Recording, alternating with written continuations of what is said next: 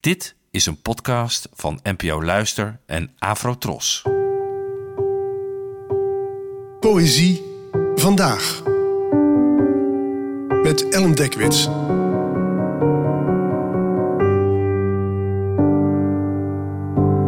Hallo, fijn dat je luistert. Het gedicht van vandaag heet Zie je, ik hou van je en werd geschreven door de Nederlandse dichter Herman Gorter, geboren in 1864 en gestorven in 1927. Zie je, ik hou van je. Zie je, ik hou van je. Ik vind je zo lief en zo licht. Je ogen zijn zo vol licht. Ik hou van je, ik hou van je.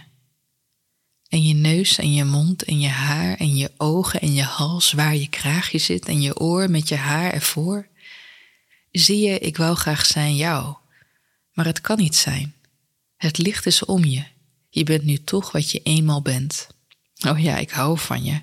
Ik hou zo vreselijk van je. Ik wou het helemaal zeggen, maar ik kan het toch niet zeggen. Dit is een van de beroemdste liefdesgedichten uit de Nederlandse literatuur en de kans is groot dat je hem zelf ook al eens hebt gezien of gelezen.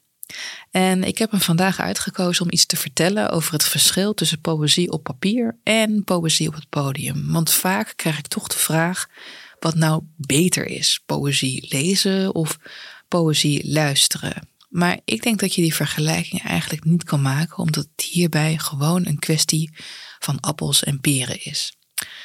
Bij poëzie op papier hoor je bijvoorbeeld niet de stem van de ander. Je kan al lezende je eigen tempo aanhouden en als een regel niet meteen landt, kan je die meteen teruglezen.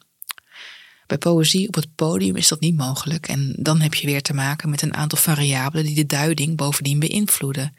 Allereerst natuurlijk wie het voordraagt. Ik bedoel, als deze tekst van Gorter werd voorgelezen door koningin Maxima, dan ga je misschien denken dat het over de koning gaat, of wie weet over het Nederlandse volk. En als dit gedicht bijvoorbeeld door Mark Rutte werd voorgelezen, zijn sommigen misschien geneigd er helemaal niets meer van te geloven.